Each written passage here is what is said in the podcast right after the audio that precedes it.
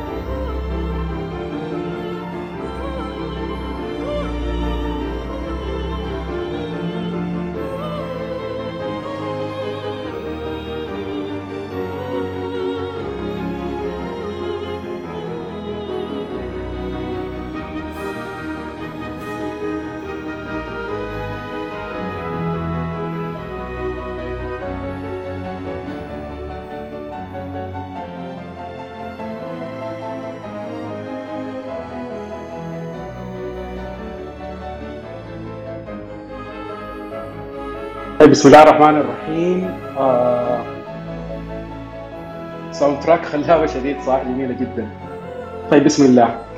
آه حابب ابتدي بالمقطع القابلني ده اللي هو صراحة بحس بإنه الثيم بتاع جلسة الليلة حيكون متمحور حوالينه بصورة كبيرة جدا. إذا نادى الهوى والعقل يوما فصوت العقل أولى أن يجاب تناولت اليراع وفي فؤادي ضباب فاض من عيني سحابة. وحررت الجواب لها بشعر حكى نظم ثناياها العذابة مرات كثيرة شديدة يا جماعة بنكون عايشين في صراعات بنكون عايشين في اضطرابات بنكون خاشين في لحظات بتاع التفكير الشديد. بنكون محتاجين نتخذ قرارات بخصوص الحاجات دي. أبسط الحاجات من الصباح داير ألبس شنو داير أمشي يا شارع أركب يا مواصلات أعمل شنو فبنلقى نفسنا إنه عايشين في في خيارات يعني في مفترق بتاع طرق في أي حاجة داير أعملها داير أشرب. داير أعمل كذا. ال- ال- ال- الوسيلة اللي من خلالها بنقدر نتخذ القرارات الوسيلة اللي من خلالها بنقدر نتصرف الوسيلة اللي من خلالها بقدر أميز الحاجة الصح في وقتها ده اللي هو العقل. العقل علماء كثير جدا بيحاولوا يفسروه علماء كثير جدا بيحاولوا يعني يقدروا يوصلوا لتفسير له لكن إلى الآن ما قدروا يعرفوا العقل هو عبارة عن شنو. لكن أقرب حاجة له هو مجموعة من القوى الإدراكية. بتتضمن لنا الوعي المعرفة التفكير الحكم اللغة والذاكرة. الله سبحانه وتعالى في القرآن الكريم تكلم كثير جدا على العقل بمختلف المسميات. في سورة الحج قال أفلم يسيروا في الأرض فتكون لهم قلوبا يعقلون بها فإنها لا تعمي الأبصار ولكن تعمي القلوب التي في الصدور. وده حيودينا لمحور نقاشنا بتاع الليلة. إنه إحنا عقل الإنسان موجود وين يا جماعة؟ هل عقل الإنسان موجود في دماغه؟ هل موجود في عقله؟ ولا موجود في قلبه؟ ولا الحاجة دي مشتركة بيناتهم الاثنين؟ عشان كده في الجلسة بتاعت الليلة أنا أخوكم وداع ومزاد حنناقش فيلمين ظريفين جدا ناقشوا القضية دي. آه فيلمين قد تكون لأول وهلة بنقول إنهم بعيدين جدا من بعض، لكن في الحقيقة وجدنا إنه في زوايا كثيرة جدا مشتركة بيناتهم. فيلمين بتمنى بجد الناس الموجودة هنا قدرت تحضرهم عشان نقدر نتناقش عشان نقدر نتجاذب ونتجاذب اطراف الحديث ونشوف المسألة دي ماشية على وين. أنا اخلي مزار يجيب floor to ممكن تبتدي. آه السلام عليكم يا جماعة كيفكم؟ آه شكرا يا وداع على المقدمة الرهيبة دي آه في البداية كده زي ما قال وداع الفيلمين بيناتهم حاجات مشتركة كثيرة فقبل ما ندخل في تفاصيل الفيلمين حابين نتكلم شوية عن المنتل هيلث يعني أنا بالنسبة لي your mental health دي أهم حاجة ممكن الزول يفكر فيها. يعني جملة مختصرة your mental health is important. زيها زي ال physical health. إحنا مرات كتير بنلاقي إنه آه متضايقين حزينين بتحس إنه أنت إنسان ضايع في أفكارك. وشوية شوية بتحس إنك أنت مثلا قاعد تغرق كده في الفضاء. أو زي ما أنا بحب أسميها آه زي كده بتمر علي سحابة بتاعت حزن بتكون فوقي. فكل اللي أنا بحاول أعمل إنه أنا أطلع من السحابة دي. طيب مبدئيا كده إحساس القلق والغضب والحزن دي كلها حاجات طبيعية زيها زي السعادة والرضا والثقة. الحاجات دي كلها بتتغير وبتمشي وبتجي اعتمادا على اللي بيحصل في يومك اللي أنت قاعد فيه يعني. فدي ما تعتبر بيج ديل لكن أنت أول ما تبدأ to overthink وده بدون مبالغة السبب الأساسي لل mental health issues أنت بتبدأ خلاص. ما حتقدر تتخلص من السحابة اللي قاعدة فوقك دي. فعلى إنها هي ممكن تكون حاجة مؤقتة؟ وما بتستلزم إنه أنت تبذل لها مجهود. آه كيف بتطلع من السحابة دي؟ في ناس كتير بتحب إنها تحتفظ بمشاكل لنفسها. في ناس تانيين اللي هم زي كده بيحبوا إنه يشاركوا مشاكلهم مع الناس الآخرين لأنه عن تجربة شخصية آه كل المشاكل كل الحاجات اللي أنت بتزعجك دي ممكن زول تاني أو support group يساعدك إنه أنت تطلع منها. كيف؟ الزول التاني اللي أنت بيشاركوا مشا... بتش... بتشاركوا مشاكلك النفسية دي ممكن ببساطة يوفق التفكير حقك ويخليك تعالج المشكلة دي بمنظور تاني ببساطة شديد. يعني زي ما أنا قلت ال mental health زي زي ال physical health آه في ناس اللي عندهم مشاكل صحية آه كبيرة like cancer حمانا الله بيكون عندهم support group عشان يشجعهم ويخفف عنهم. نفس الشيء الناس اللي عندهم mental health issues. انت بتجي تشارك مشكلتك دي مع ناس بيمروا بنفس الحاجة وبيساعدوك وبيخلوك تفكر بطريقة تانية وممكن يصغروا لك المشكلة دي لدرجة بعيدة شديد. طيب في نوع تاني من الناس وده أغلب الناس الموجودة في ال server هنا لما نعملوا التصويت إنه أنت لما تمر بمشكلة نفسية أول حاجة بتعملها شنو؟ هل انت بتشارك مشاكلك دي مع زول تاني؟ هل انت بتحتفظ بال نفسك؟ ولا بس ما بتعمل شيء يعني والحمد لله كده أغلب الكلام طلع إنه أنا ما بشارك مشاكلي دي مع أي زول خالص فبحتفظ بال نفسي.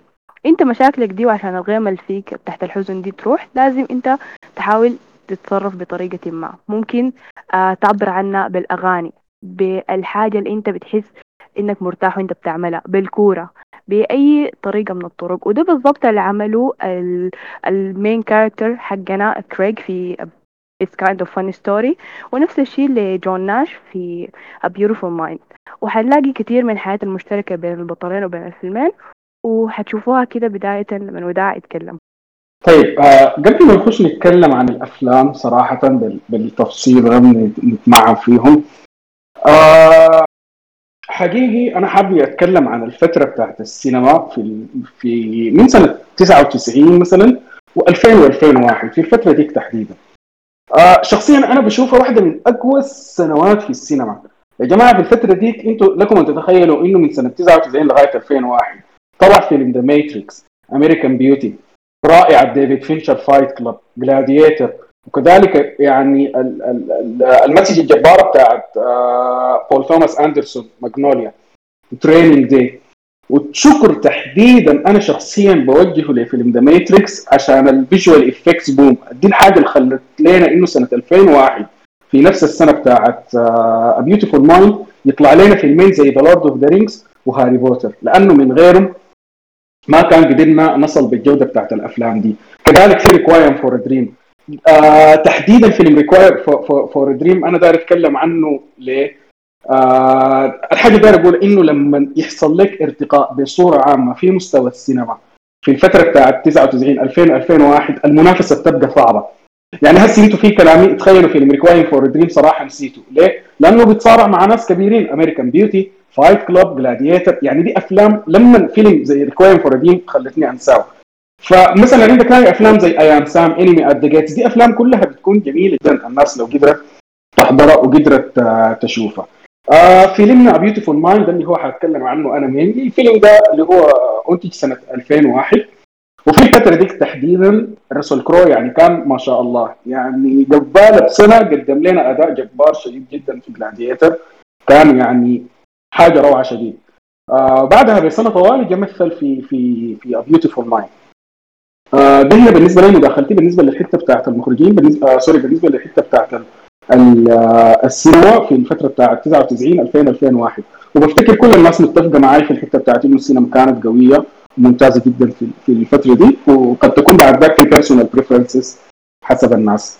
آه مزار ممكن تتفضل وتتكلم عن المخرجين وادوار طيب يا جماعة آه في البداية كده حنتكلم عن الفيلم اللي أنا هقوله It's Kind of Funny Story والفيلم ده ما مسكوني له عشان أنا teenager والبطل teenager خالص. ده ما سبب. فإذا بفكر بالفكرة دي يا شباب زحوها من بالكم. طيب بداية كده البطل حقنا كريغ. أول مشهد إنه شاب عمره 16 سنة بيحاول إنه ينتحر. طيب آه الانتحار حقه ده ليه؟ أول سؤال بيجي في بالك إنه شنو بيخلي مراهق عمره 16 سنة إنه ينتحر؟ ده نفس السؤال اللي سأله ليه الدكتور. بعد ما مشى الحوادث ومحاولة الانتحار حقته فشلت. فهو لما قال له إنه الأسباب اللي بتخليك تنتحر شنو؟ قال له أنا بعاني من الاكتئاب لي سنة. عمره 16 يعني جاهه اكتئاب عمره 15 سنة. دقيقة يا إخوانا ناخد وقفة بسيطة. شنو برضو اللي بيخلي مراهق عمره 15 سنة يحاول بالانتحار؟ نفس السؤال. فأول ما قالوا الحاجة دي جات في باله كمية من الأفكار. إنه أنا آه شاب حياتي كويسة عندي أسرة داعمة لي جدا. وفي نفس الوقت يعني ما قاعد أعاني من مشكلة حقيقية. يعني بالضبط كده قال لي إنه أنا كنت متمني إنه يكون أبوي بيضربني أو تعرضت لأبيوز وأنا صغير عشان أقدر أقول إنه أنا لاقي سبب يخليني أفكر بالانتحار.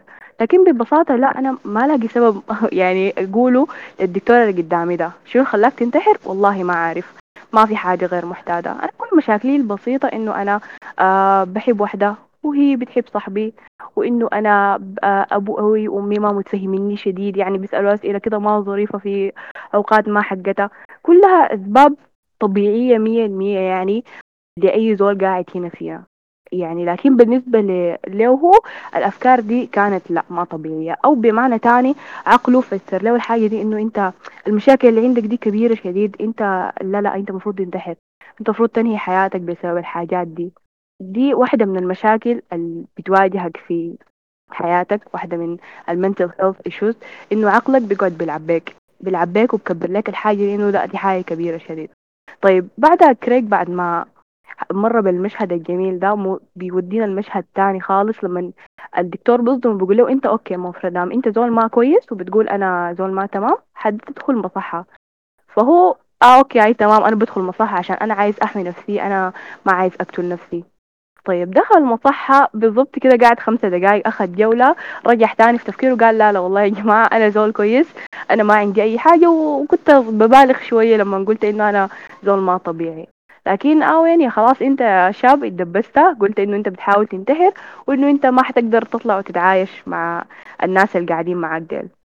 آه دخل وأخذ جولة لقى ناس مريضين بكل الأمراض اللي ممكن تلاقيكم منهم شخص مصاب بالفصام اللي هو ده بيرجعنا للفيلم الثاني.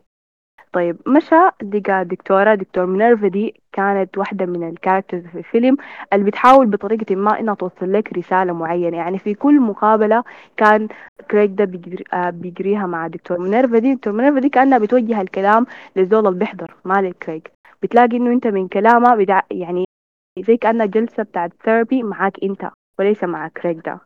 طيب في بداية الفيلم لو بتلاحظوا إنه هو لقى طبيب لما كان في الطوارئ لقى طبيب.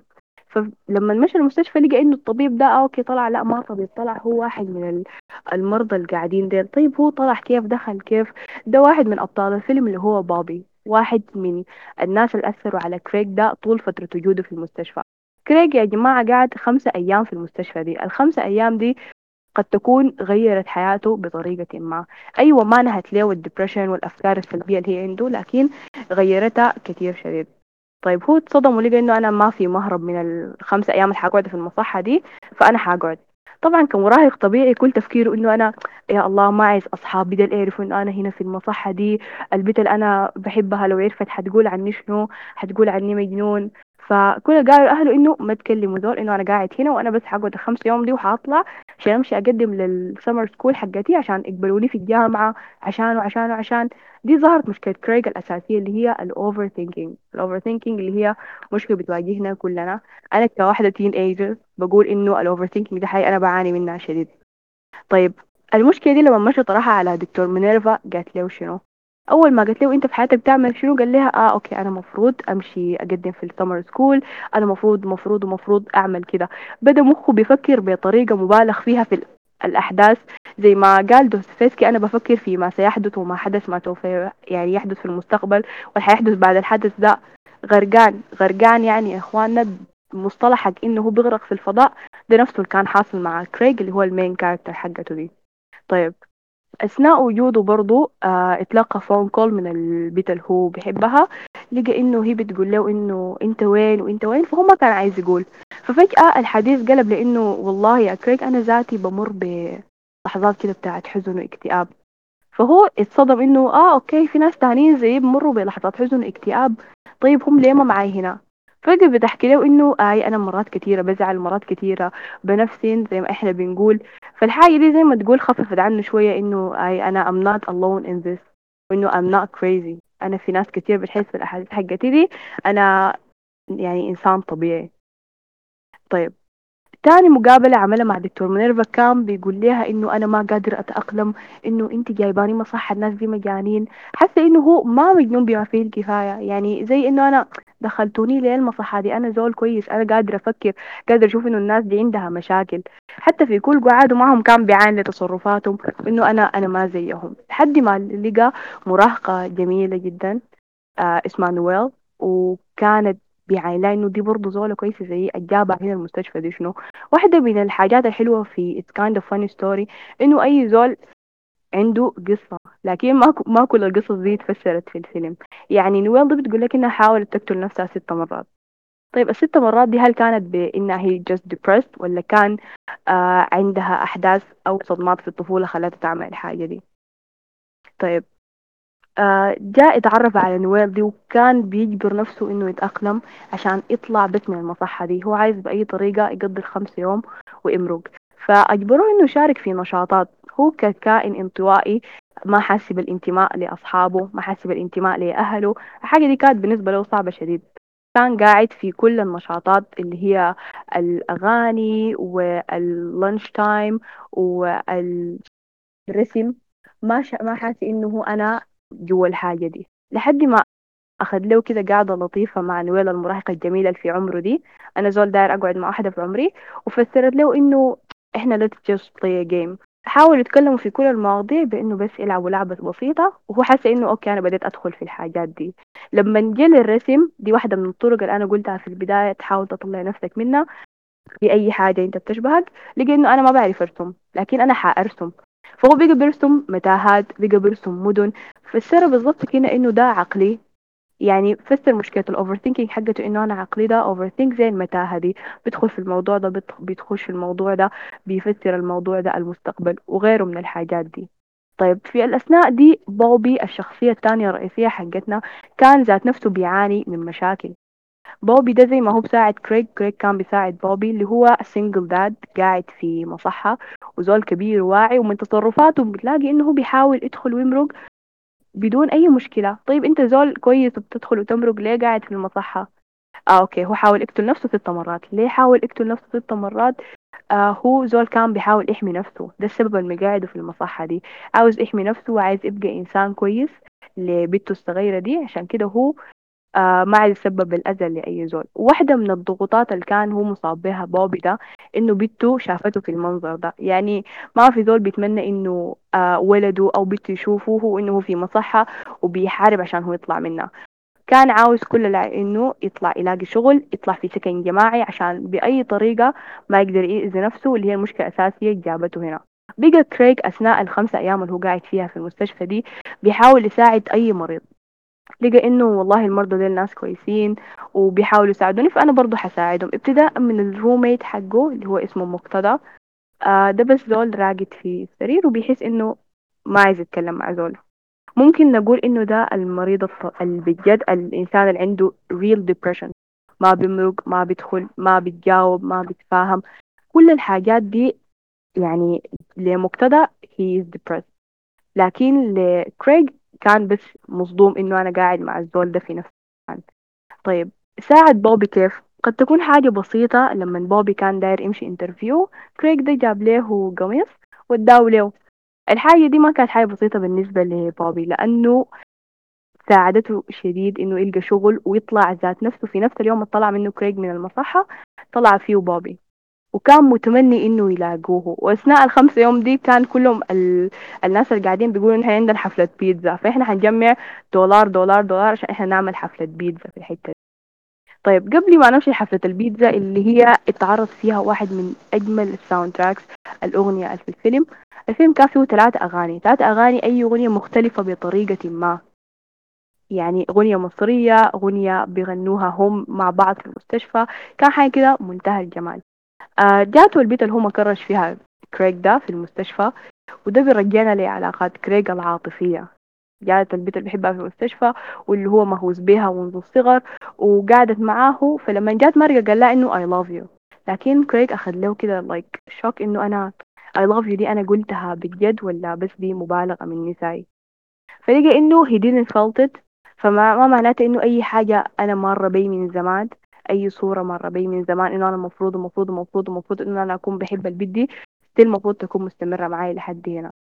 آه معلش يا شباب كترت عليكم في أحداث الفيلم حق It's Kind of Funny Story لكن الفيلم بمختصر كده فيلم واضح شديد كان بيحمل في أي مشهد من المشاهد اللي أنا قلتها دي رسالة معينة.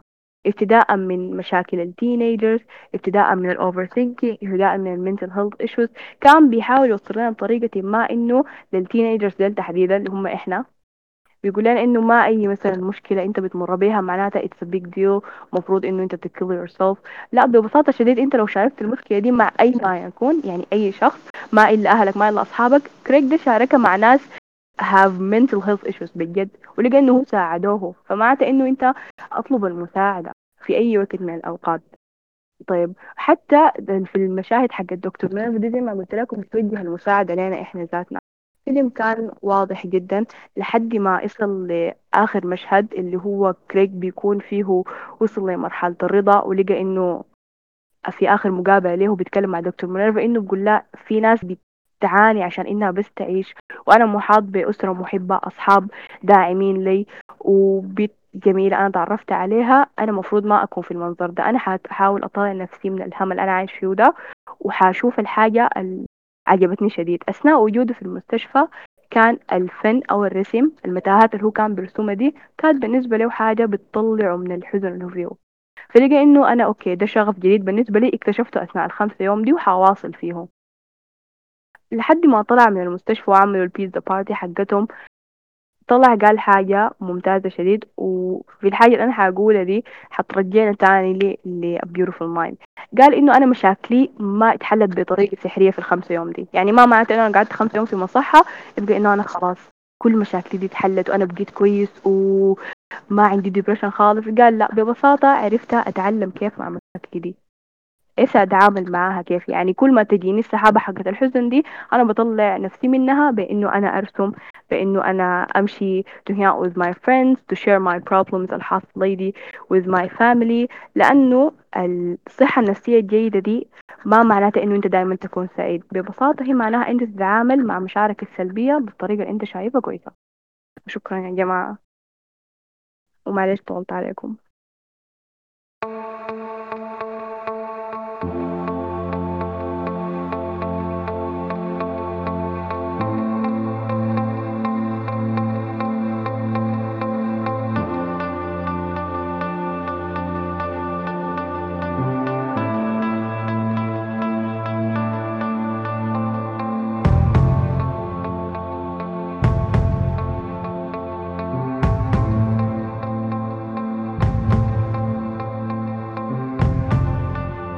آه حأواصل لكم وشخصيا حأتوجه في الكلام عن آه Beautiful Mind بس صراحة قبل ما أتكلم عن Beautiful Mind آه حابب أتكلم شوية إنه الفيلم ده يتكتب كيف يتعمل كيف. في, آه في الأصل الفيلم هو عبارة عن رواية آه اسمها نفس الاسم برضه Beautiful Mind كاتباه كاتبة ألمانية الكلام ده سنة 1998 والفيلم مباشرة يتوجه لأنه يفوز جائزة دائرة نقاد الكتابة الوطنية.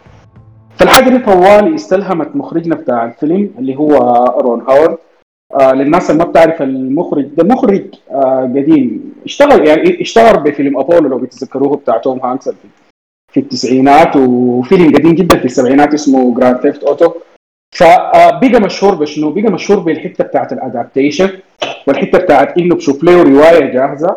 بيشيلها بيعيد كتابتها وصياغتها مع ال team بتاع الكتبه بتاعنا وبعد ذاك بيعملها فيلم. يعني هسه حاليا مشهور جدا بقى بالسلسلة بتاعت بالرغم من نجاحها أو فشلها ده debate ثاني السلسلة بتاعت أفلام دان براون اللي هي Da Vinci Code Angels and Demons Inferno والأفلام دي.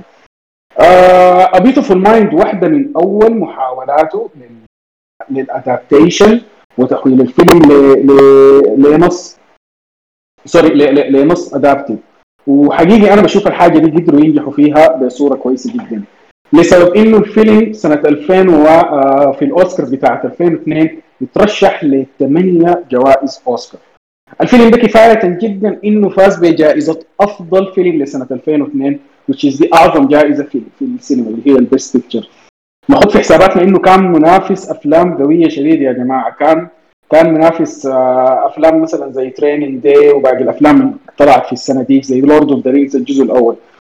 فاز كذلك الممثلة اللي هي مثلت دور زوجة جون ناش.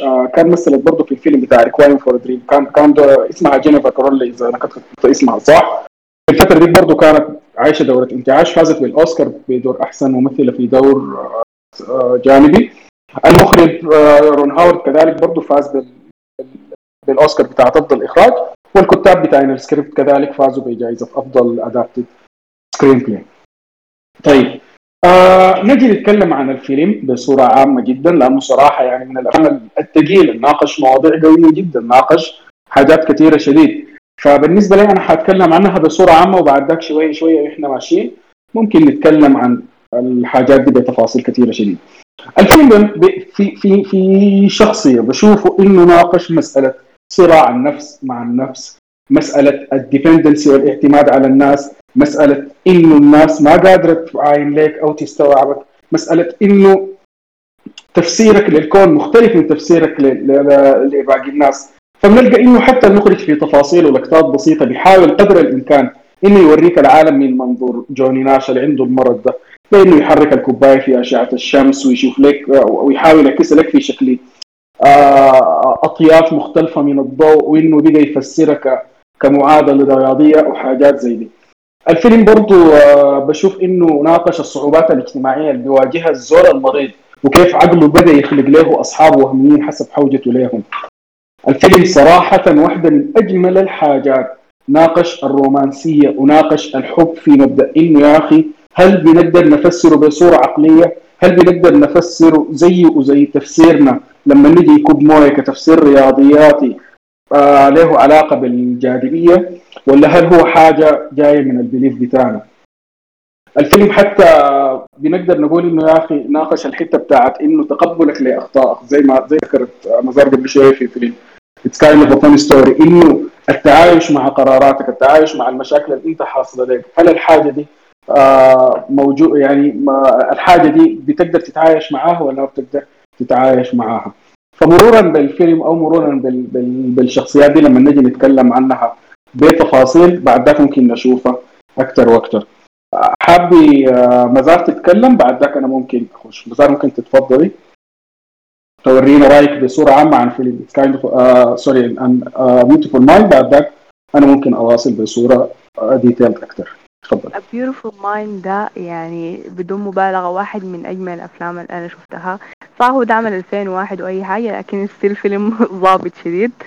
آه طيب أول حاجة لفتتني إنه جون ناش ده أي حاجة بالنسبة له مفروض يكون عندها تفسير علمي. أي حاجة.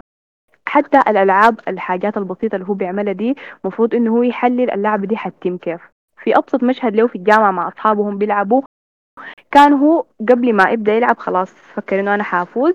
الحاجة دي منافسة أنا أي حاجة مفروض أكون التوب الأول فيها. ففي اللعبة كان بيعمل الموف حقته وفي نفس الوقت بيحلل إنه الزول التاني ده هيعمل يعطي موف ولا ممكن يرد عليها بيعطي طريقة وبكل الحاجات دي. فالخلاه ما يفوز شنو؟ الحطم كل تفكيره بع انه هو زول عبقري وأذكى من اللي معاه وشنو؟ إنه الخصم اللي معاه كان بيلعب بعقله. كيف بيلعب بعقله؟ كان أثناء ما هو بيلعب في آخر الحركات كان بيقعد بيقول له إنه أنت لو وصلت مرحلة الصفر أو بمعنى تاني إنه أنت لو خسرت أو أنت بقيت ما ناجح زي ما في تفكيرك حتعمل شنو؟ فجون حصل له اضطراب كده بسيط وخسر اللعبة وفعلا لما خسر تصرف تصرف ما طبيعي ابدا ومشى. حتى كل أصحابه بيقوا بعينه له مبدئيا كده كل تصرفات جون ناش قبل ما يعني يتم تحليله بالمرض حقه ده أو يتم تشخيصه بالمرض ده كانت بالنسبة لي تصرفات ما طبيعية. مش الزول ده مجنون لكن فيه حاجة خاطئة إنه تصرفاته حركاته كلامه تحليله المفرط للحاجات. زي ما بقولوا إنه هل العباقرة كلهم عندهم أمراض نفسية؟ ده سؤال كان جميل جدا.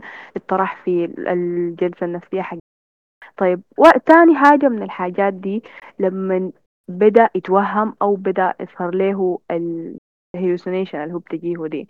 أنا واحدة من الناس أثناء ما قاعدة أحضر الفيلم كنت مصدقة جون ناش وإنه هو فعلا هو عنده roommate وفعلا هو بيشتغل في الحاجة الفلانية ديك وكنت مصدقة تماما وشايفة إنه الناس التانيين دول هم الكذابين. يعني أخدت لي وقفة كده الفيلم الحلو في إنه بيخليك تشوك وترجع تشوك وترجع. مرة بتكون مع جون ناش مرة بتكون مع الطبيب النفسي حقه وبيلعب بيك. الفيلم ده بجد بيلعب بيك بطرق كتيرة شديد. طيب واحدة من الحاجات اللي عجبتني شديد آه اللقطات الرومانسية في الفيلم أو طريقة تعارفه لزوجته الداعمة. شديد أنا شايفها واحدة من أكثر الناس الداعمين في الحياة. وحاجة جميلة إنه أساسا الفيلم ده مستند على قصة حقيقية إنه فعلا مرجون ناش وقفت معاه والوقفة ديك طيب آه ابتداء من طريقة تعارفه ليها وابتداء بالطريقة اللي هو أخذ بها أول محاضرة. يعني في أول محاضرة هو كان بالنسبة له حلين يا إما يقفل الشباك ده يا إما ما حاطلع أخلي المكان. هي أدته حل ثالث هو مخه العبقري جدا ما فكر به ومشت قالت للناس اللي بيسوا جدل يا إخواننا أطفوا الصوت وخذت الشباك فاتح. وهو أخذ له وصلنا كده إنه آه okay كل المشاكل فعلا ممكن تتحل بطريقة ثانية. آه طيب علاقاته الاجتماعية مع الأشخاص التانيين ما كانت تمام. دي بترجينا لنقطة مشتركة تانية بينه وبين كريج الاثنين علاقاتهم الاجتماعية ما كانت كويسة. وحنمر على الحاجات والنقاط المشتركة بالتفصيل. بعد ما وداعة يمر لنا برضو بالتفصيل في A Beautiful Mind. وتفضل يا وداعة كمل. شكرا جزيلا يا مزار. طيب أنا فيلم Beautiful Mind واحد من أكثر الأفلام اللي بتستوقفني. من أكثر الأفلام الصراحه يعني بتأثر لما لما أحضرها يعني. ف يعني حقيقي جدا كنت سعيد جدا إنه أجي مثلا أتكلم عنه. ففي حاجات كثيرة جدا لما نجلس احكيها ولا أتكلم عنها حتكون من من وجهة نظري. فانا حابب جدا بعدين لما نجي نتناقش ونتكلم يعني الموضوع يبقى debate بتكون حاجة جميلة شديد إنه نشوف وجهة نظر آه، الناس من حتات ثانية ولا كده. طيب زي ما ذكرت قبل من أول لقطة في الفيلم؟ بنلقى إنه جوني ناش كان ماسك كوباية بيسلطها أو آه، كوباية أيوه كان بيسلطها في الضوء وبنشوف إنه أطياف الضوء دي انعكست في كرفتة صاحبه ولا زميله. ف يعني انت انت من البداية بتقول يعني okay طوالي بتخد في راسك ده زول عبقري أو ده زول بيعمل تصرفات غريبة أو خلينا نقول ده زول يعني socially awkward دي هنا صراحة بشوفها عبقرية من المخرج. بيعمل لنا foreshadowing لفيلم جبار شديد من أول لقطة. okay؟ فالحاجه آه، الثانية الفيلم ده أنا بالنسبة لي ناقش جانب قوي جدا اللي هو المفهوم بتاع خلق ال dependency أو الحوجة. بمعنى أنه أنت لما تكون لك حوجة بينتج ارتباط لا إرادي أو self satisfaction وده أنا بشوفه اللي حصل لجوني ناش. بأنه عقله بدأ يخلق له مؤامرات وتجسسات وحكومة بصورة واقعية شديدة عشان البطل يقدر يساعد ويستعمل يستعمل مخه ويحس بالساتسفاكشن أو الرضا لما يجي يحل المشكلة دي. المخرج صراحة توفق جدا ويستاهل الأوسكار في إنه قدر يعكس لنا الحاجة دي بصورة واقعية شديد في الفيلم زي ما قالت نزار. في إنه أنت أول مرة بتحضر في الفيلم بتحس إنه بجد يا إخواننا في مؤامرة يا إخواننا الزول ده ذكي احتمال الروس دايرينه احتمال الاتحاد السوفيتي ولا كده. وإنه حقيقي في حرب شغالة وإنه في كلام الوضع يعني جوني ناش صحيح جدا. فأنت بصورة لا إرادية بتكون واقف في حتة جوني ناش وجيت ضد الناس دي لا الناس دي مجانين الناس دي ما كده. فدي حتة المخرج صراحة توفق فيها بصورة قوية شديد. إنه إحنا بقينا مكان جوني ناش وبقينا متضايقين شديد. إنه والله العظيم حتى ولو جزء بسيط جدا من الضيق بتاعه. بتلاحظ إنه كمان جوني ناش لما بدأ يتعرف على الناس في في في الحديقة اللي هو كان في الاجتماع المهارة دي بيقولوا عليها مهارة ال social intelligence أو الذكاء الاجتماعي. إنه الناس كانت شوية أحسن منه بيتعرفوا بخشوا ده جو بتاع جامعة آه، ده جو بتاع آه، يعني الناس متعرفة على بعض وكده. فكل ما يحاول يسلم على زول طوالي بنلقى يعني صراحة روسل كرو أبدع في الفيلم ده لكن بس يعني ما شال الأوسكار صراحة لأنه اسمه منه دينزل واشنطن في Training Day يعني ده نقاش ثاني. آه رسل كرو طوال بنشوفه كتف يدينه بقى بعاين في تحت عيونه في الواطة. طوالي انكمش جوا نفسه. فكده زي كأنه طوالي دخل ال comfort zone بتاع الشخصية. وبقى جزء أساسي من شخصية البطل طوال فترة الفيلم يبقى السؤال إنه ليه في الفترة ديك الناس دي يعني آه، أمريكا كيف؟ آه، في واحد من الشباب ذكرني بنقطة مهمة اللي هي بتاعت ال Imitation Game الفترة ديك يا إخواننا الأمريكان عموما بعد الحرب العالمية الثانية التوجه العام أو التفكير بقى إنه الحروب ما بيفوزوها بعدد الجيوش ما بيفوزوها بالناس بالتعداد بتاع الجيوش ولا بالأسلحة ولا كده. الناس دي توصلوا لقناعة إنه العلم ده هو الحاجة الوحيدة ممكن توديهم لقدام وأكبر دليل على ذلك الجهاز بتاع الفك الشفرة بتاعت الانجما اللي هو ده ناقشوه في فيلم The Imitation Game فعشان كده أمريكا بقت صارفة قروش في العلم بصورة ما طبيعية. حتى بنلاحظ إنه والله يا أخي معهد MIT اللي هو اشتغل فيه بعد فترة استعانوا به ناس البنتاغون وزارة الدفاع الأمريكية يا جماعة آه، اعتمدوا عليه اعتمدوا عليه و... وسألوه في الحتة بتاعت اللي حنتكلم عنها بعد شوية. طيب آه رجوعا للنقطة بتاعت إنه اجتماعه في الجامعة. بنشوف إنه جويناش أول مرة ما أعرف إذا لاحظتوها ولا لا. كان بحاول يقول له نكتة يلطف بها الجو لكن طوالي حس بالاوكورنس وطوالي رجع يحك راسه وقاعد يتكتك يلا التصرفات دي قد تمر فينا بأي زول. لإنسان عادي زينا يعني قد تكون الحاجة دي عادية. لكن تخيلوا معي خطوا في حساباتكم جوني ناس إنسان عبقري.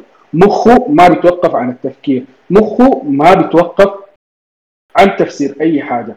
لما يحصل له تصرف زي ده في في رايي عقله اللاواعي بدأ يخلق له في شخصيات وهمية.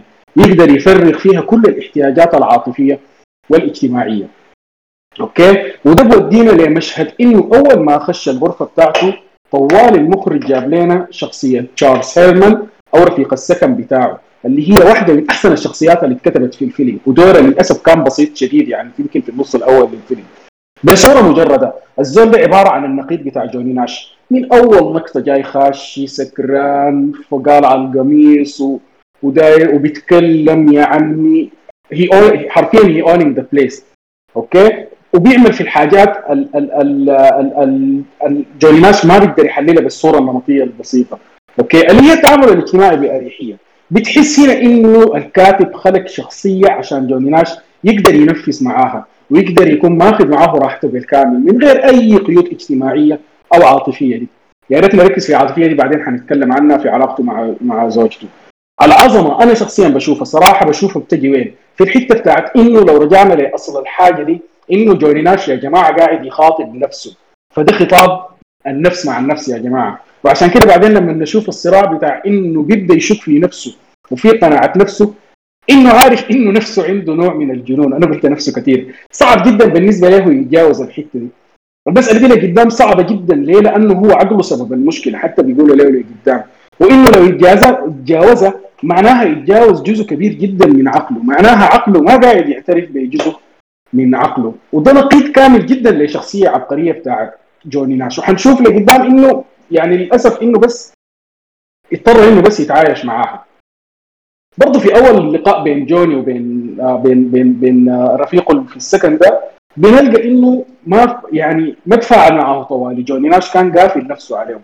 ودي برضه عبقرية في كتابة إنه يترجم لنا ويبدا إنه العقل الواعي لسه ما متقبل فكرة الشخصية الوهمية دي وبيناقض في نفسه. حتى بنلقاه إنه جوني كان بيحاول يحل له في حاجة أو داير يقرأ له حاجة.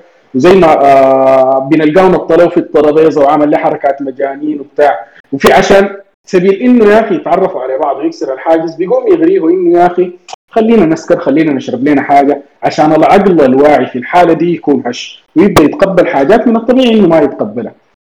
فالحتة لما قعدوا يشربوا مع بعض ويسكروا مع بعض دي اللحظة جوني ناش بدأ يتقبل الخزعبلات خلينا نسميها كده. بدأ يتقبل الحاجات الغريبة. ودي اللحظة اللي من خلالها بدأ خلاص يعمل اكسبت للجزء الثاني من نفسه. حامشي شوية لقدام وبلقى إنه الفيلم والله برضه ناقش حاجة مهمة شديد اللي هو سؤال فلسفي بحت. إنه هل الرياضيات بتقدر تقودنا للحقيقة العظمى بتاعت الدنيا وده عقله طوالي ما ما وقف من التفكير بتاعت الحاجة دي. بنلقى إنه شخصية رفيقه اللي هو الجزء الثاني من عقله بيقدر يستنكر له الحاجة دي. وبقول له الرياضيات ما حتقودك لحاجة. وفي الفيلم صراحة بشوفه متمحور في الحتة دي. جوني ناش والصراع في إنه داير يستعمل الرياضيات اللي هو أحسن حاجة فيها. في سبيل إيجاد حلول لأي مشكلة سواء كانت اقتصادية أو اجتماعية أو حتى عاطفية. وعاطفية دي بعدين مزار حتوريكم ليها كيف. الفيلم برضه ناقش فكرة إنه كيف تكون متميز. والحاجة دي حاصلة يا جماعة في زمننا ده. ودي غريزة موجودة فينا من الوجود وحاليا حاصلة في زمننا في ال social media وال influencers والكلام ده. جوني ناش في سعيه إنه يكون متميز عن باقي الناس وفي سبيل يسعد حاجتين الحوجه الأولى عقله العبقري والحوجه الثانية الفطرة الإنسانية بتاعت التميز والاعتلاء. فكان عايش الصراع ده على مستويين. بإنه يا جماعة جايبينه لك في لقطة في التصرفات يعني مزار قبل بتقول إنه الزول ده شكله ظاهر فيه حاجة غلط. الزول ده في لحظة من اللحظات ما يعني ما ما قادر يعني مشى الحديقة بصورة عشوائية شاف الحمام داير يخلق له آه، حركة. داير يخلق له خوارزمية بتاعت إنه الحمام يا أخي قاعد يتحرك بصورة نمطية. آه هنا حاجيه وحأتكلم صراحة في الحتة بتاعت ال soundtrack من أول ثانية في الفيلم بنشوف ال soundtrack اللي كان شغلناه في البداية اللي هو واحد يعني من أجمل ال soundtrack اللي سمعتها في الأفلام. فال soundtrack ده طوال ارتبط مع الحتة بتاعت التفكير. لحظة الحمام بنشوف إنه يا أخي ال soundtrack ده طوال يشتغل. وال sound editing وال mixing كان موفق جدا. ليه؟ لأنه أصحابه كان بيتريقوا عليه وهو في نفس الوقت كان بيحاول يشوف خوارزمية للحمام. ف يعني شنو؟ ال sound editing وال mixing يشتغل بصورة كويسة وجميلة شديد. آه مرورا بالحتة بتاعت لعبة الشطرنج بتاعتهم أنا بشوف إنه السبب بتاع إنه جوني ناش خسر في اللعبة بتاعت الشطرنج بسبب الضغوط الاجتماعية اللي اتفرضت عليه في اللحظة دي. ما عشان الزول اللي قدامه أو صاحبه اللي هو أذكى منه في في في اجتماعيا يعني آه، أذكى منه أو أحسن منه. لا الحاجة دي يعني أنا ما أتوقع. يعني في في اللحظة دي جوني ناش عقليا ما في زول أذكى منه. الخصم كان بيلعب ضده ألعاب نفسية بتاعت إنه والله يا جوني أنت في امتحان معين ما امتحنته. ليه ما عملته؟ وأنا إنجازاتي كده. وأنا already البحث بتاعي بتاع الدكتوراه عمل له approve في كتابة ال dialogue برضه في حاجة ذكية جدا بتتعمل إنه آه الزول ضده قال له يا أخي يا جوني ناش أنت إنجازاتك zero. ما قال له إنجازاتك none ولا مثلا فاستخدامه للفظ zero ده كون في جوني ناش بتخيل يعني حاجة سيئة جدا لأنه جوني ناش بيفسر عقله بيفسر بالرياضيات. آه طبعا يا هو خسر وخش في دبرسة وبعد ذاك طوالي حيكون مشى لمنه مباشرة حيكون مشى لرفيقه بتاع السكن اللي هو دماغه خلقه له. okay وقال له يا أخي راح البار راح نمشي نسكر راح نمشي يعني نستمتع بزمننا. فلما نزلوا البار ومشوا يقعدوا آه في لقطه هنا استوقفتني ما شفتها إلا لما حضرت الفيلم للمره الثانية صراحة. بشوفها ذكاء قوي جدا.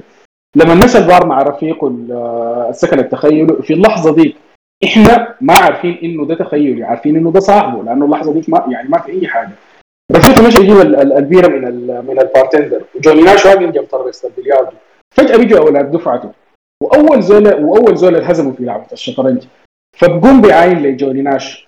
وفي اللحظة دي جوني ناش واقف جنبه صاحب هو إحنا متخيلينه. آه الزول انهزموا في الشطرنج بيقول لهم منو؟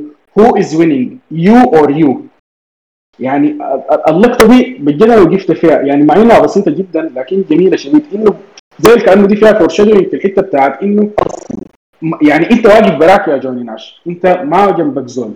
ف who's winning you or you دي كانت لحظة جميلة جدا. تمام؟ نمشي قدام صراحة للحتة بتاعت إنه أول ما دخل المكتبة مع البروفيسور عشان دخل معاه المكتبة عشان يقول له يا أخي آه داير أعمل بحث أو داير تقريبا تأجل لي زمن البحث. واللحظة ديك شاف البروفيسور الكبير جدا القاعد وبقت الناس تخط له في الأقلام تكريما وتخليدا لإنجازاته في العلم. في اللحظة دي بنلاحظ إنه حتى الحركة بتاعت المصور أو الكاميرا يمكن دي أول لقطة في الفيلم بنشوف حصل فيها دوني اوت اللي هي الكاميرا رجعت لورا وشخصية جوني ناش بتكون قاعدة موجودة. فده فن في التصوير صراحة بيورينا إنه المشهد ده عنده هيبة وعنده مكانة. تمام؟ فبعد ذاك هو الأغاني اشتغلت أو الموسيقى اشتغلت وإنه يا أخي والله العظيم يا أخي إنه المشكلة موجودة عندهم هم. المشكلة ما في دماغك أنت يا جون ناش بيقول له زميله في الشغل وإنه زميله في السكن بيقول له يا أخي التخيلات دي كلها خوف من الصراع الحاصل جواك وإنه أنت لو ما نجحت مش ما حتسوى ولا حاجة. إنه المشكلة it's their problem it's not your problem فبدأ يفكر واشتغلت ال soundtrack بتاعت التفكير وإنه قاعد يكتب في في في القزاز بتاع بتاع النافذة وبدا يفسر النظريات الاقتصادية وبقى يغير في في في في نظريات جوهرية شديد. طيب آه بعد ذاك صراحة بنشوف إنه بعد ما اعتمدوا نظريته مباشرة جوني ناش طوالي تعين في الجزء بتاع الأبحاث في معهد MIT اللي هو واحد من أحسن المعاهد في العالم إلى يومنا هذا. okay؟ فبنلاحظ إنه البنتاجون sorry قفلت المايك بالغلط بنلاحظ إنه البنتاجون بدأ يستعين به وبدأ يسأل فيه أسئلة بتاعت إنه يا أخي الروس طبعا الزمن ذاك الحرب الباردة آه، كانت شغالة في في بين الاتحاد السوفيتي تقريبا وأمريكا ما اعرف إذا الاتحاد السوفيتي آه، أيوه كان الاتحاد السوفيتي وأمريكا. ف يعني كانت تنشنة قوية جدا وكانت حرب بتاعت معلومات أكثر من إنها حرب بتاعت صواريخ أو حرب بتاعت جيش. فاللي بيحصل اللي حصل كالاتي استعنوا بهم في البنتاغون عشان يحدد لهم أماكن بتاعت صواريخ كان بيحركوها الروس في في في الأراضي الأمريكية. في اللحظة دي بنشوف إنه هنا غريزه الفضول زادت فيه بصورة قوية جدا. لما سأل الجنرال إنه الروس قاعدين يحركوا شنو وما وبعد ما وراهم خطوط الطول الجنرال طوالي قال له يا أخي أنت تتفضل طوالي يوديك برا. اللقطة دي نقطة مفصلية جدا في حياة جوني ناش. ليه يا جماعة؟ لأنه زي ما قلت لكم الحتة الجبال المبدأ بتاع ال dependency أو المبدأ بتاع الحوجة. يا إخوانا ما في أقوى من إنه أنت بلدك يحتاج لك. ما في أقوى من إنه يعني وزارة الدفاع الأمريكية تحتاج لك.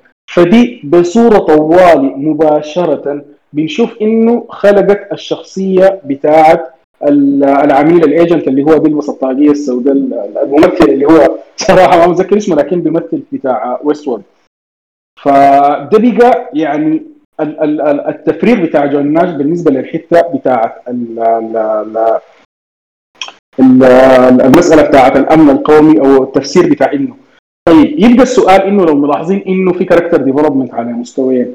المستوى الطبيعي بتاع إنه يا أخي شخصيته شخصية جوني ناش بصورتها العادية. اتهرس thank you شخصية جوني ناش بصورتها العادية والعقل بتاع جوني ناش اللي هو بقى قادر يفسر نظريات وبقى يخلق له مؤامرات أقوى من الحاجات الحاصلة. okay؟ فدي دي دي, دي, الحاجة اللي خلته إنه كل مرة تكبر المشاكل.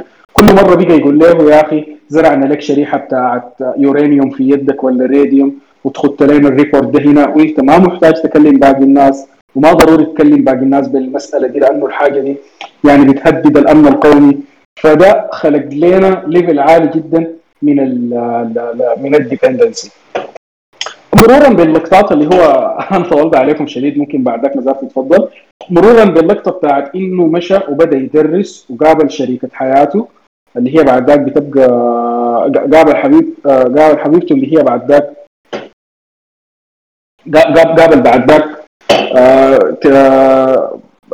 اللي هي بقت زوجته بعد ذاك وإنه زي ما مازال قبل ذكرت إنه الزول ده يعني رياضيات واحد زائد واحد بيساوي اثنين ما في حاجة ثانية.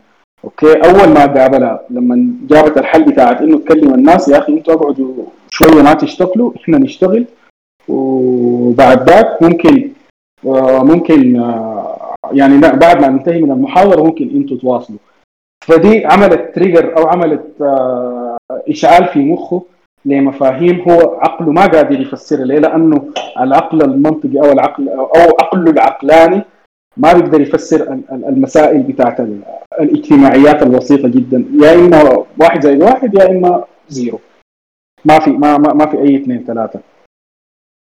يعني مرورا في الرحلة دي كلها بنلقى إنه ال ال آه لما بدأ يتعرف عليها لما بدأ يحصل بيناتهم إنجذاب لما صارحها يعني صارحها كان بصوره بصورة غريبة شديد يعني. تقول لها يا أخي أنا يا أخي في في في مفاهيم أفلاطونية بتفرض علي إنه أنا لازم أكون اتظارف معاك وهنا عشان أكون معاك يعني في في نهاية الأمر. فتقول لها يا أخي إخوانا عقل عقله ما ما بيقدر يفسر الحاجات. عقله ما بيقدر يفسر ال ال الحاجات الانسيرتن الحاجات اللي ما بتؤدي لنتيجة. الرياضيات كلها محورها إنه أنت لازم يكون عندك نتيجة. فمواضيع ألحنك مواضيع إنه والله العظيم أنا أعمل حاجة أتصرف معاها. بنشوف إنه حتى أنتوا إنه حتى قدام لما نحاول لما حاول إنه يا أخي يطلع معاها ديت لقى نفسه إنه لأ ينشغل في الشغل أكثر ف... ف... فبالنسبة لي المسألة دي كانت شوية صعبة. آه...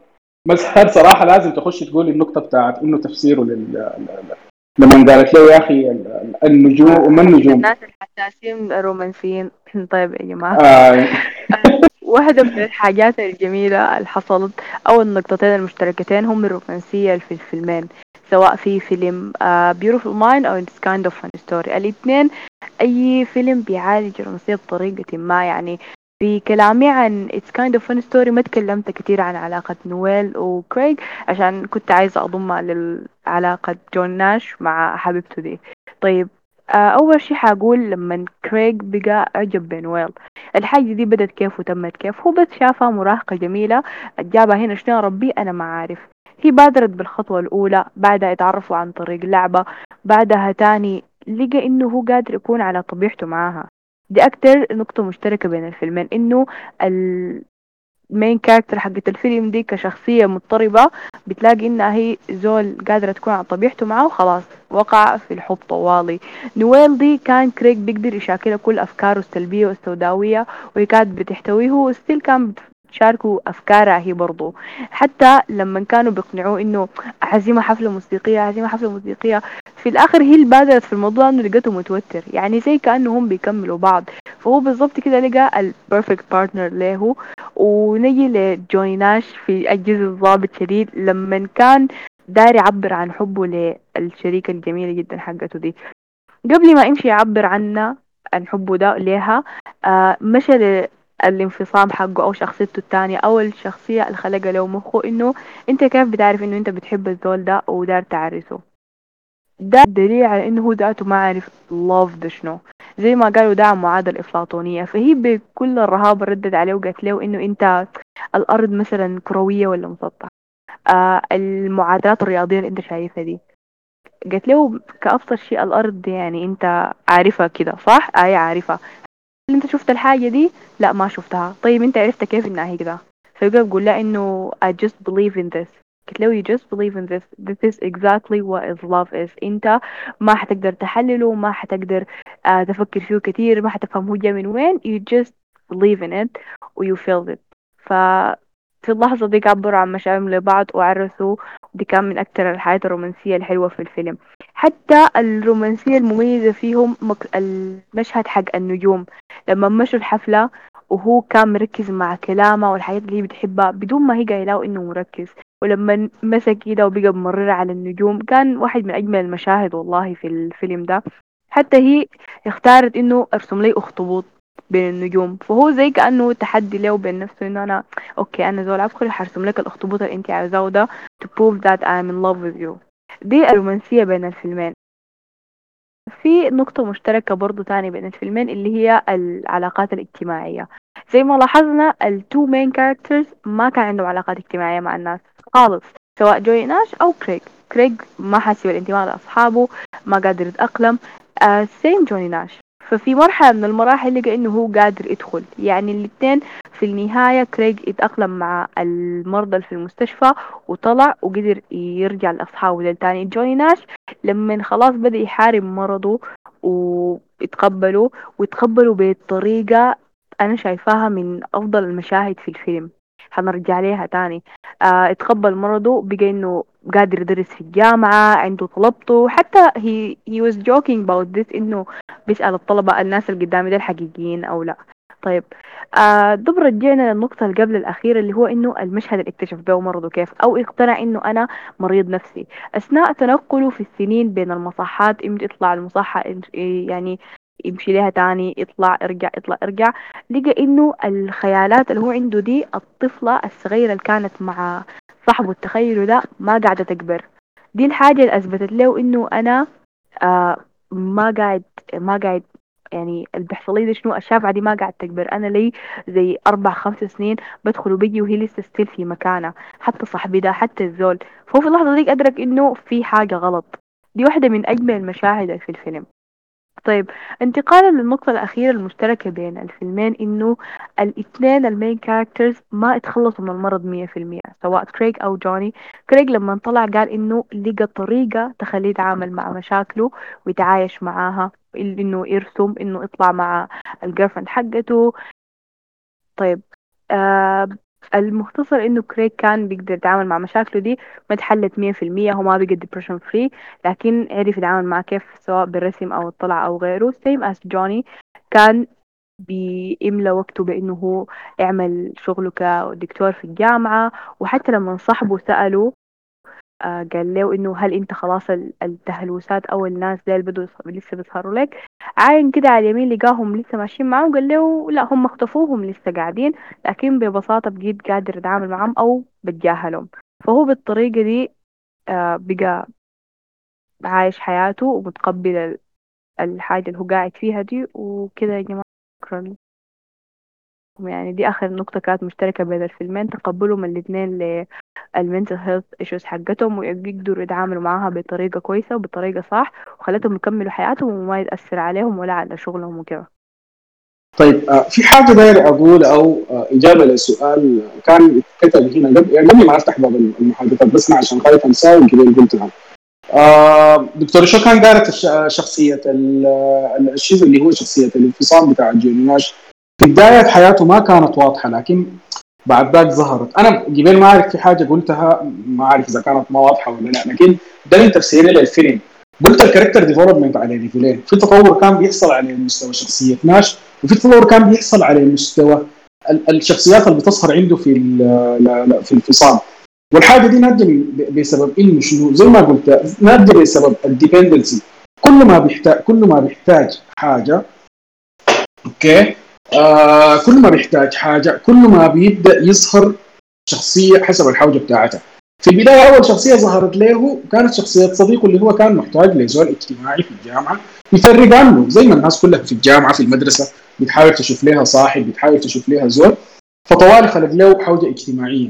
لما مشى البنتاجون وعقله بدأ ينمو بعد ده لازم يخلق له شخصيات على قدر المستوى. خلق له الشخصية بتاعت الايجنت وخلق له عربات وخلق له شخصيات بتاعت روس وناس مسدسات ورصاص وحاجات زي دي. والكلام ده كله جوا راسه. الكلام ده كله يعني لافي جوا الحتة بتاعت راسه. ال ال ال الإخراج برضه من أجمل اللقطات اللي فيه صراحة أنا بشوفه عشان كده استاهل الأوسكار. انه الفيلم كله كان بيصور لنا الحياة الجامعية آه wide آه wide lens الحاجات دي كلها. يعني كانت مصورة بصورة جميلة جدا. الخضرة الطلبة المجتمع الجامعي.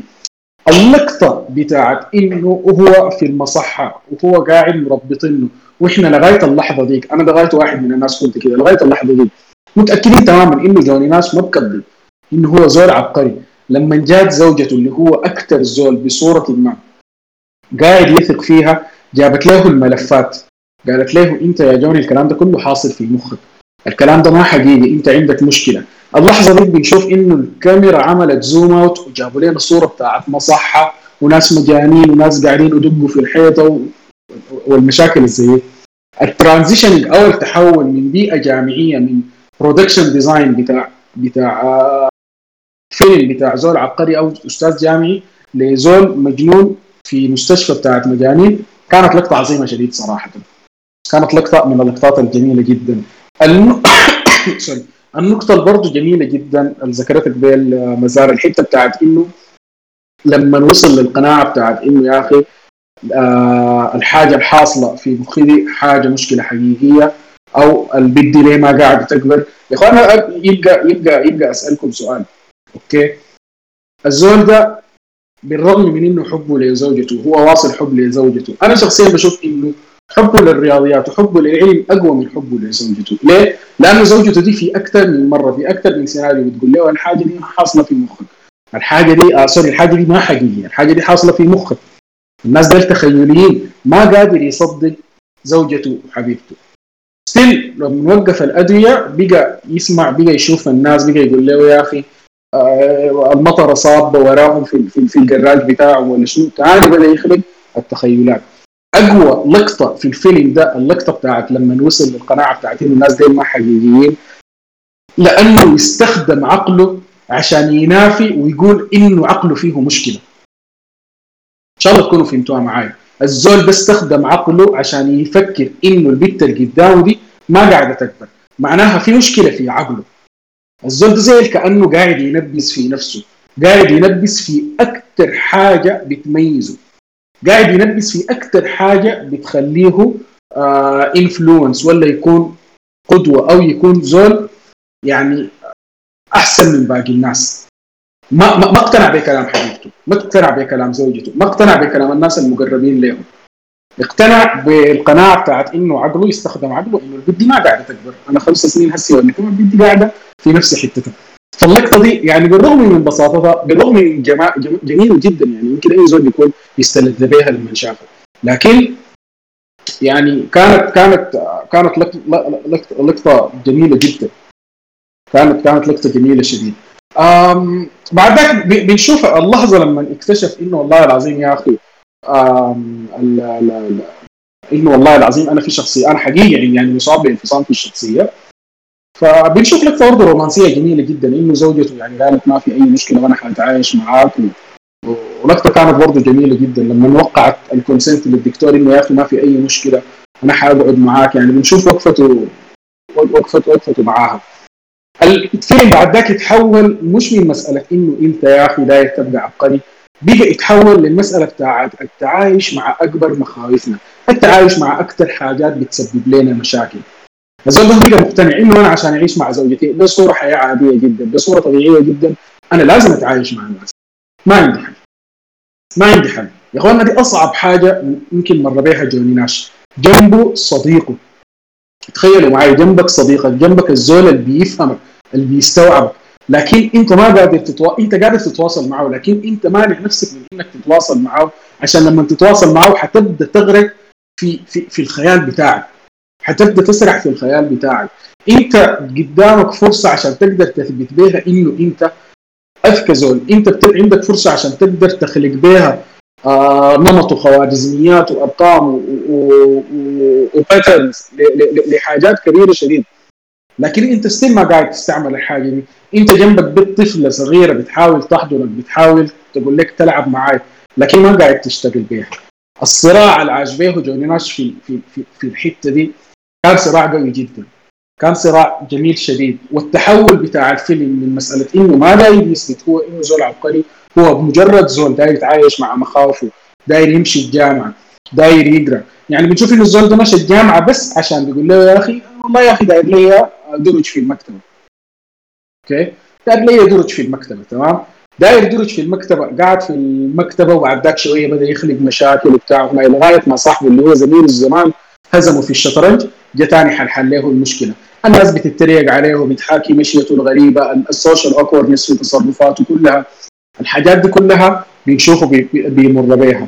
وهو ماشي طبعا بعد ذاك بيجيبوا لك إنه السنين بتمشي. يعني أثبت نظرية بيجيبوا لك إنه والله العظيم أثبت نظرية ريمان والناس بدأت تعتمد عليه الطلبه عارفينه يعني الناس دي كلها عارفينه إنه ده الزول المجنون إنه ده الزول العبقري.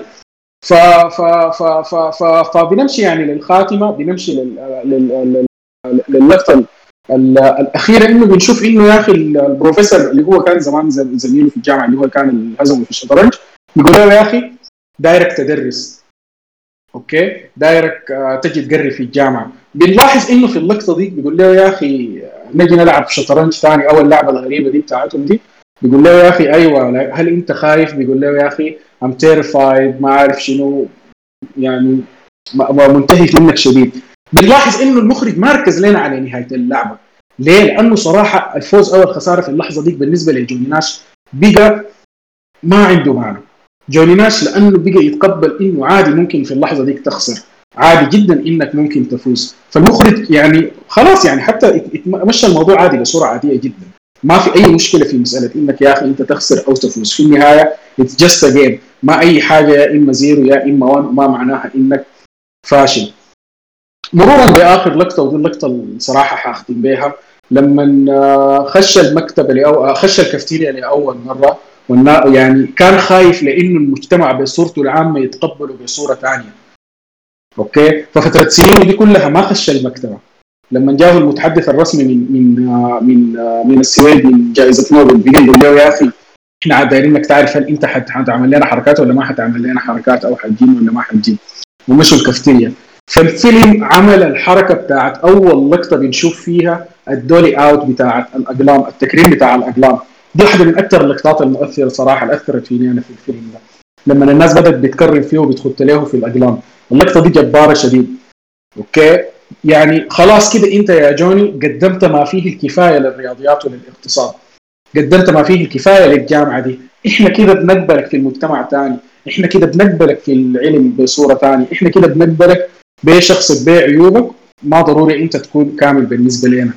خطابه كذلك في جائزة نوبل كان واحدة من أقوى الخطابات إنه you are all my reasons دي واحدة من أقوى الجمل اللي قالها لزوجته. وبقول لها أنا في فترة عمري دي كله بحاول أفسر قوانين الحب بصوره منطقية لكن ما قدرت إنه اصل لها في تفكير. وآخر لقطة وأجمل لقطة وهو طالع.